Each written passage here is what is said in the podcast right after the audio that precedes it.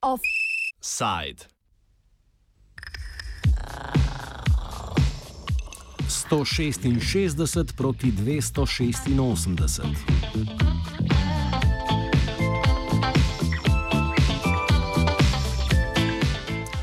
Kot vsako leto so se tudi letos na 8. marec pojavile precej nasprotujoče si ideje o tem, kako obeleževati Mednarodni dan žensk. V preteklosti imenovan praznik delovnih žensk je kasneje izgubil svoj pridevnik, s tem pa tudi svoj pomen. Študentska organizacija Univerze v Ljubljani je naprimer študentkam ob njihovem prazniku ponudila razvajanje v obliki nakupovalnega izleta v, Avst v Avstrijo. Podjetje Barbie je posebej za 8. marec izdelalo omejeno kolekcijo Barbik v podobah 18 zgodovinsko pomembnih žensk, ob tem pa so poudarili, da bodo deklice, ki se z Barbikami igrajo v lutkah, lažje našle pozitivne zglede. Da je 8. marec vseeno bolj povezan z delavskimi pravicami žensk kot s potrošništvom, pa so opozarjale ženske v Španiji, ki so se odločile za celodnevno stavko tako na delovnem mestu kot v gospodinstvu. Pri nas so različni kolektivi ob 8. marcu pripravili protestni shod v Ljubljani in javni shod v Mariboru, da bi opozorili na različne probleme, s katerimi se ženske soočajo v vsakodnevnem življenju.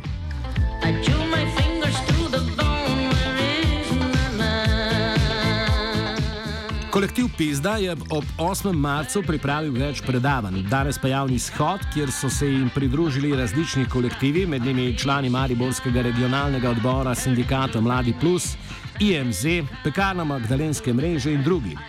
V kolektivu Pizda so želeli predvsem omogočiti lokalnim kolektivom in organizacijam, da predstavijo svoje delo povezano s pravicami žensk.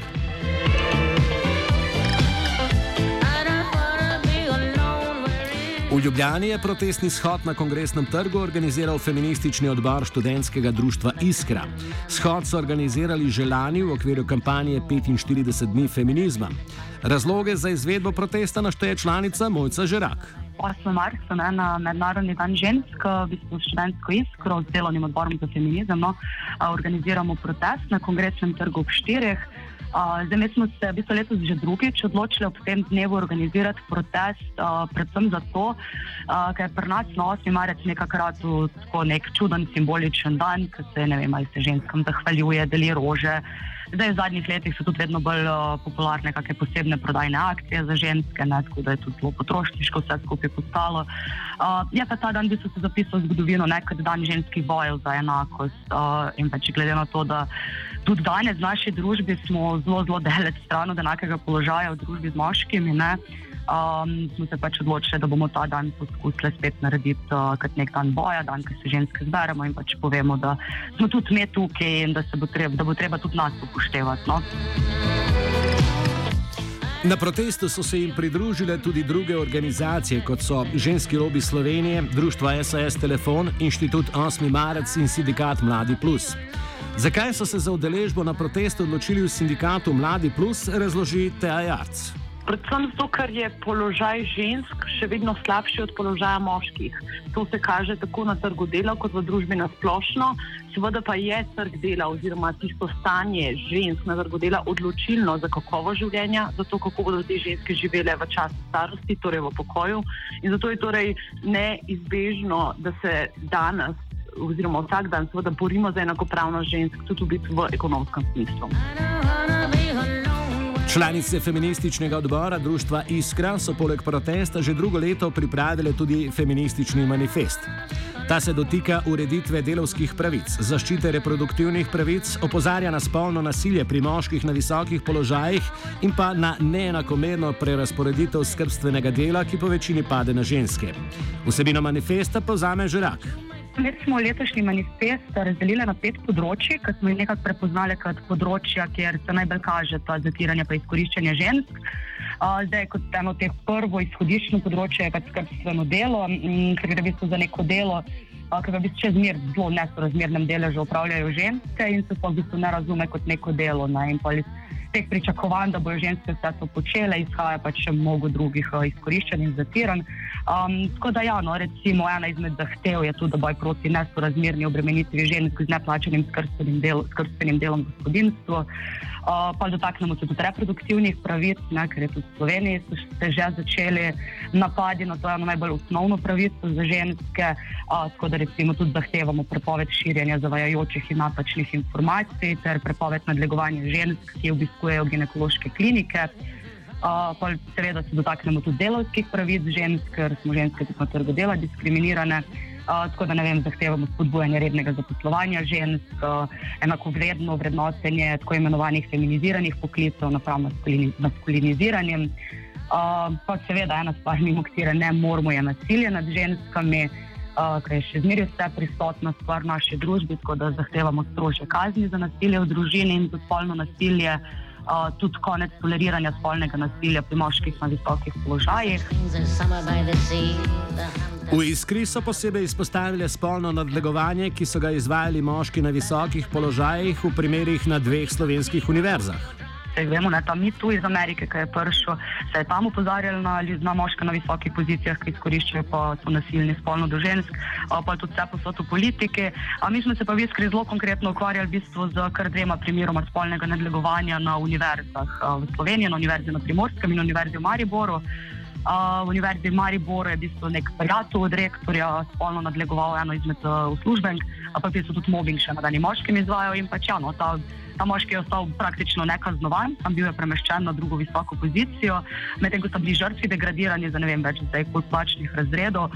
Na Univerzi na Primorskem je pa skoraj še bolj grozno, no, ko je pa polno nadlegovanje izvajal in tudi obsojen, kar rektor sam, uh, ki pa je še zmeraj na poziciji rektorja ne, in tudi v bistvu podne stroške in uh, odškodnino uh, žrtvi bo v bistvu krila kar univerza. V sindikatu Mladi Plus opozarjajo predvsem na probleme žensk pri iskanju zaposlitve. Ženske so na trgu dela bolj izpostavljene prekarizaciji in je bolj verjetno, da, bodo, da se bodo znašle v zaposlitvah za določen čas, razloži Arc. Ja, ženske smo tiste, ki recimo dobivamo niže plače. Plačna razlika v Sloveniji se zadnja leta povečuje. Hkrati smo ženske tudi tiste, ki smo pogosteje v nekih začasnih, prekarnih oblikah dela. Če si mlada ženska v starosti od 15 do 24 let, je verjetnost kar 80-odstotna, da boš delala za določen čas. To pomeni, da so tudi um, plače teh žensk niže, kot če bi bile zaposlene za nedoločen čas. Hkrati je današnji trend, um, gre vedno bolj v smeri prekarizacije, fleksibilizacije, um, znižanja delovskih standardov in vse to odpira vrata diskriminacije na podlagi spola recimo delodajalci sploh ne zaposlujejo žensk, ker se bojijo, da bodo zanosile in v tem vidijo nek strošek. Po drugi strani pa um, te delodajalci, recimo, če so ženske zaposlene za določen čas, kasneje ne podaljšujejo pogodb s takih ženskami. Enostavno lahko kadarkoli prekinejo pogodbe in seveda to ženske vodi v ta nek začaran krok, kjer se ne morejo ekonomsko osvojiti v času, ko so torej aktivne, hkrati pa potem to vpliva tudi na samo višino penzije. Prav tako v sindikatu opozarjajo, da breme skrbstvenega dela večinoma še vedno pade na ženske.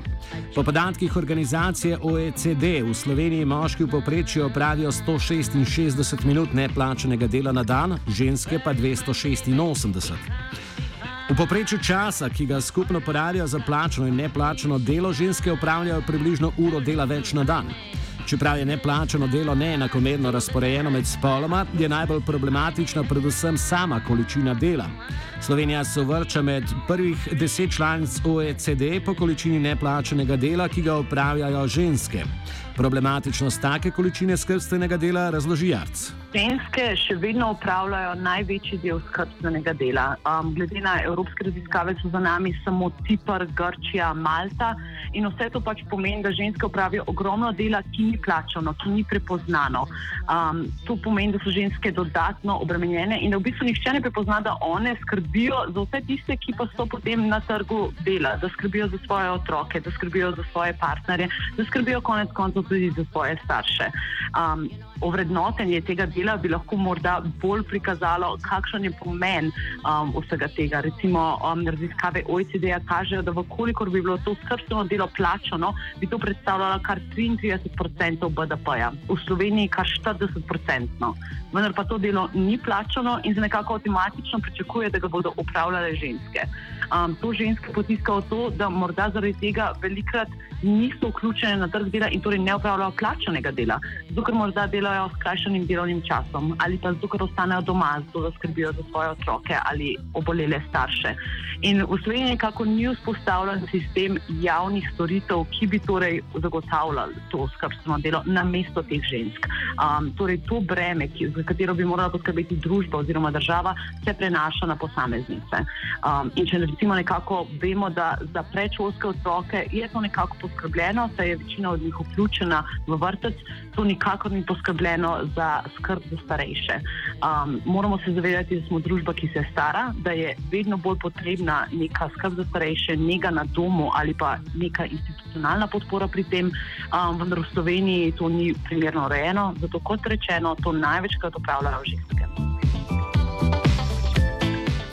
Evropska konfederacija sindikatov je zaradi velike količine neplačenega dela, ki ga opravljajo ženske, pozvala k sprejetju direktive o usklajevanju poklicnega in zasebnega življenja, ki jo je lani aprila pripravila Evropska komisija. K sprejetju direktive je pozvala tudi Zveza svobodnih sindikatov Slovenije. Jarc povzame vsebino direktive. Na eni strani gre seveda to, da se dosledno spoštuje zakon, da se torej ne prelaga bremen na delovke in delavce, da se ne izkorišča nadur, da se torej recimo imamo pravico do izklopa, da ni potrebno pričakovati, da bomo kadarkoli dosegljivi, um, da se torej pri razporejanju delovnega časa upošteva seveda tudi ta neka osebna dimenzija, ali gre za družino ali pa gre za v bistvu neko preprosto preživljanje prostega časa in počitka od dela.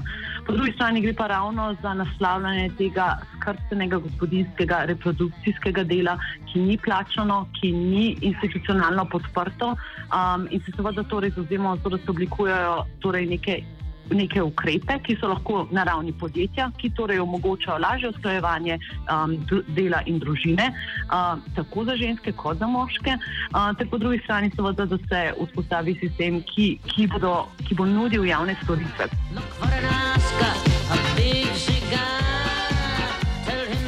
Tudi v Španiji so sindikati prepoznali probleme, s katerimi se ženske spopadajo doma in na delovnem mestu. Deset največjih španskih sindikatov je podprlo stavko žensk, tako na delovnem mestu kot doma. Ženske so stavkale na različne načine, od stavke na delovnem mestu do bojkotiranja predavanj in opravljanja neplačanega dela v gospodinstvu.